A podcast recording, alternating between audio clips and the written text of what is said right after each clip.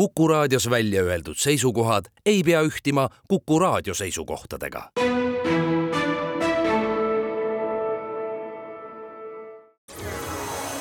loodusajakiri, vaata ka looduseajakiri.ee tere kõigile, kes meid kuulavad, ilusat reede õhtu jätku koos Loodusajakirjaga. täna on saates külas RMK Põlula kalakasvanduse ebapärlikarbi spetsialist Katrin Kaldma, tervist! tervist! Mina olen saatejuht Tiia Rööp. ajakirja Eesti Loodus juuli-augusti number keskendub vooluveekogudele. vooluveekogudest sõltub väga palju ka selline põnev liik nagu ebapärlikarp. Katrinil on ajakirjas artikkel põnevast haruldusest ebapärlikarbist. ebapärlikarp, see liik on elanud planeedil Maa väga kaua aega, juba kriidi ajastul. sada miljonit aastat, minu jaoks täiesti hoomamatu kas ta oli enne dinosauruseid olemas või, või dinosauruste kaasaegne? no vot, ega nüüd mina ka nii täpselt ei mäleta, aga ma arvaksin, et ta oli kaasaegne, nii et äh, ta on näinud äh, nii mõndagi huvitavat. ebapärlikarbi eluring on väga keeruline. kellest ja millest sõltub see, et ähm, ta annaks edukalt järelkasvu? see sõltub päris paljudest äh, nähtustest ja faktoritest, et peamine, mis nüüd ütleme praegusel ajal, kus juba see süsteem on kõik äh, välja kujunenud, siis see, et ta annaks järglasi, sõltub sellest, et oleksid äh, puhtad veekogud, põhiliselt äh, noorjärgud on see kõige, kõige haavatavam eluetapp, et, et noorjärgud jääksid ellu, selleks on vaja, et veekogude põhjad, see nii-öelda teadusliku terminiga öeldud siis see hüporeiline tsoon jõe põhjas oleks hästi aereeritud ja, ja kõik, kogu see keeruline suhtevõrgustik, mis, mis jääb siis sellest eh, veekogu põhjast ülespoole ka toimiks, et, et oleks veekogus kalu, sobivaid vaheperemehi ebapärlikarbile ja et oleks ka seal piisavalt sellist eh, sobivat sööki, mis on siis lagunenud orgaanika. Nädal tagasi oli Loodusajakirjas külas Aro Järvet ja temaga vesteldes tõdesime, et eh, väga paljud Eesti jõed vähemalt nende algusosad on inimese poolt kujundatud ümber. kuivõrd see mõjutab ebapärlikarbi eluvõimalust? see mõjutab äh, väga tugevalt, äh, sest et äh, veekogu ülemjooks on, on põhiliselt see, mis varustab ja määrab sellise nii-öelda pidevuse, mis on seal ka seal veekogu alamjooksul.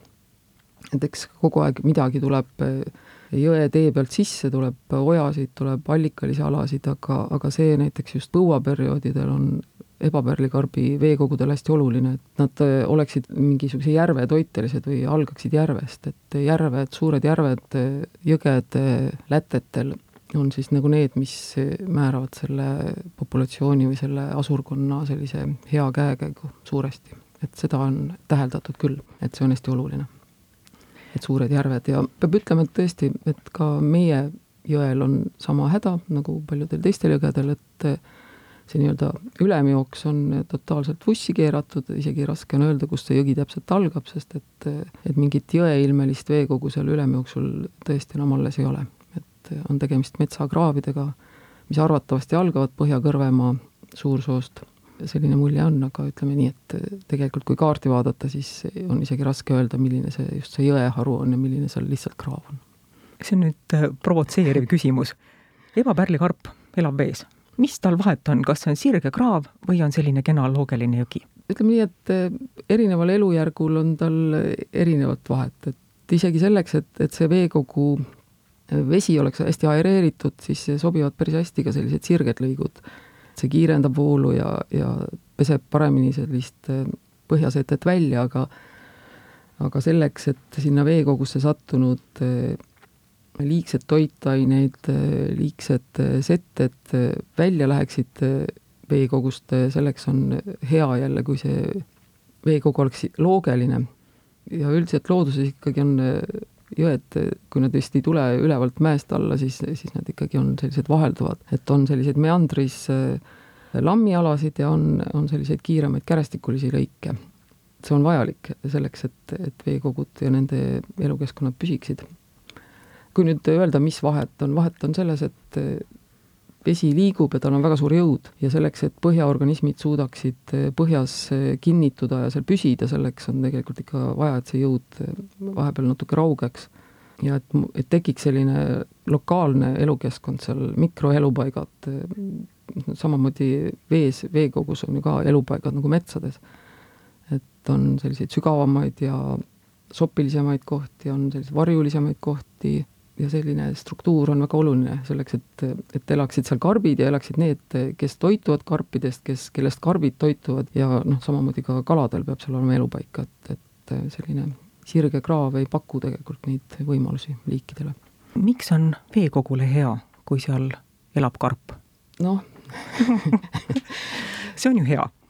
jaa, see, see on nüüd selline see kõige keerulisem küsimus, et, et ärme neid küsime et ähm, ma võin küsimuse tagasi võtta. et ähm, veekogule, ütleme nii, kui me nüüd niimoodi sellisest inimese vaatest hästi lihtsustatult ütleme, et äh, siis on alati vastus see, et karbid puhastavad vett aga see kindlasti noh, ei ole nii üheplaaniline, et see puhastamine tegelikult tähendab seda, et see karp mitte lihtsalt ei filtreeri seda vett, aga ta ka muundab neid aineid, mis seal vees on, et ta ühest küljest kasvatab iseennast, kasvatab seda karpi, aga teine asi, mida ta teeb, on ta nii-öelda töötleb, ta on nagu selline vahe, vahevabrik, kes töötleb neid aineid, mis temasse satuvad ja ja need, mida ta ei omasta, need Eh, lähevad siis temast välja ja on selliseks toitaineteks kas siis taimedele, kaladele, teistele veeorganismidele, nii et et ta on üks, üks lüli sellises lõputult keerulises süsteemis.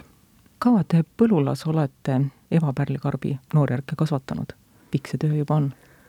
me alustasime esimeste katsetustega kahe tuhande kahekümnendal aastal, et Keskkonnaametil oli üks või on ka praegu üks live projekt, Ranniku Life eesti keeles. sinna oli sisse kirjutatud äh, noorjärkude paigutamine jõkke ja eks me siis hakkasime tasapisi uurima, et mida see endast kõike kätkeb, see lihtne tegevus.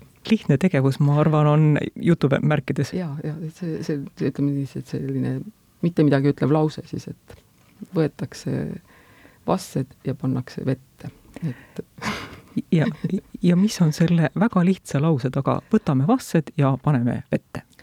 see sisaldab endas seda, et eh, tuleb eh, püüda siis nakatunud noorjärke, vastetega nakatunud noorjärke, siis eh, oodata, kuni need vastsed seal küpsevad ja vabanevad, siis nad kokku korjata, siis serveerida nendele seda sööki, mida nad tahavad süüa, mingites tingimustes, mis nendele meeldib sedasi igapäevaselt neid hooldada, kuni nad siis natuke suuremaks kasvavad, siis leida jões mõni sobiv lõik, kus nad võiksid tahta elada, leida nendele selline eluase ja siis nad sinna jõkke paigutada, nii et eh, see on umbes selline aastaringne selline igapäevane tegevus. mis etapp on selles kõige keerulisem? Kõige keerulisem ongi vast need äsja vabanenud vastsete elus hoidmine, et eh, see on nagu kõige kriitilisem, et nad kipuvad ikkagi ära paljud surema, et ja eriti kunstlikes tingimustes, kus vesi seisab ja ta ei voola, siis siis on seal nii-öelda neid selliseid riskifaktoreid päris palju.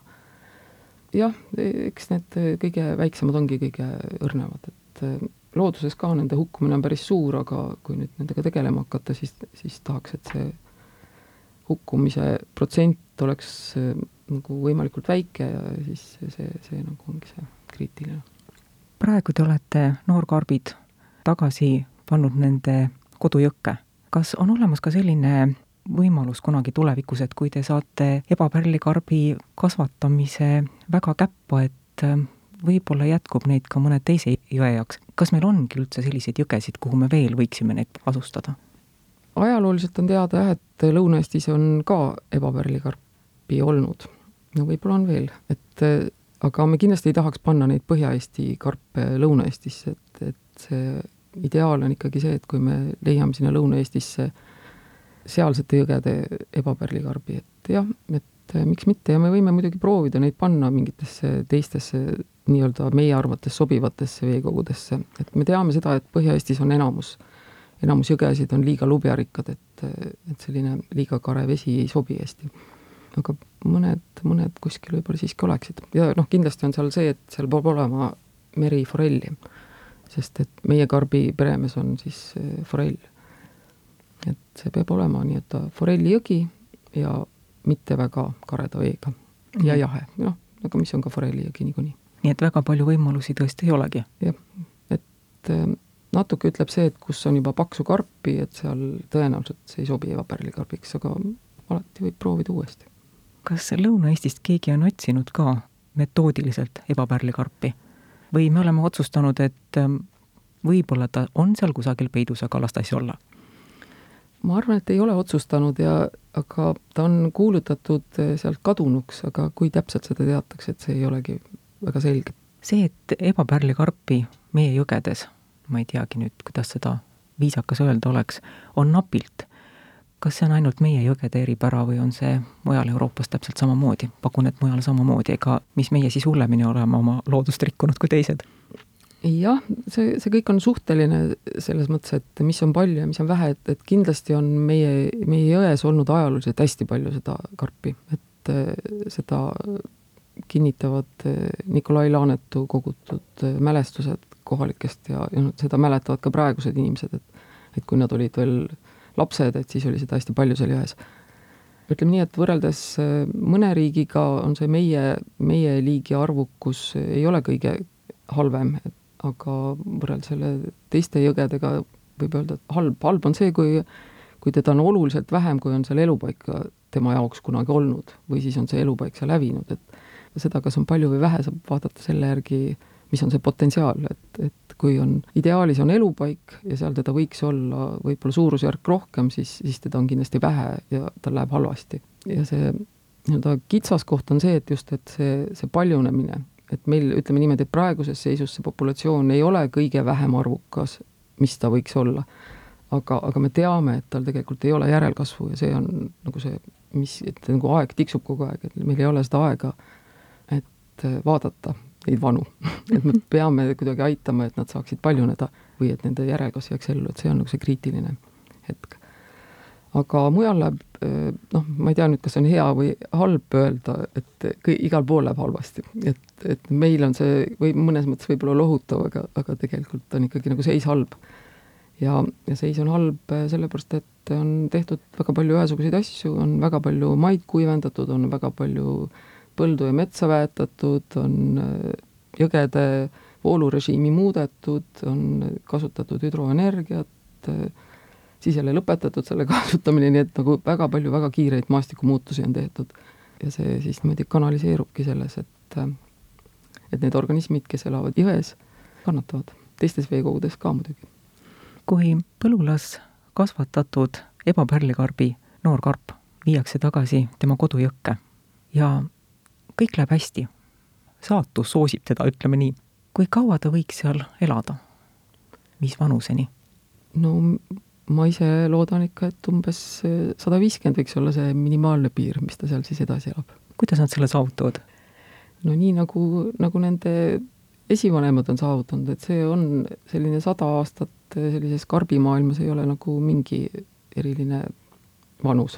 ma loodan, et nad, nendel on meeles, et, et see, kust nad tulevad ja kui vanad on nende esivanemad, et et üldiselt ei ole sellist väga selget lage, kui vanaks nad võivad elada. ikkagi on paarisaja aastaseid karpe leitud siit põhjapiirkonnast ja, ja ma loodan, et see, et see on nagu selline, selline perspektiiv, et kui jõgi on alles ja, ja kalad ujuvad, et siis, siis on see selline mitte väga lähedasse tulevikku suunatud tegevus, et aitäh, Katrin Kaldma, selle kohtumise ja intervjuu eest.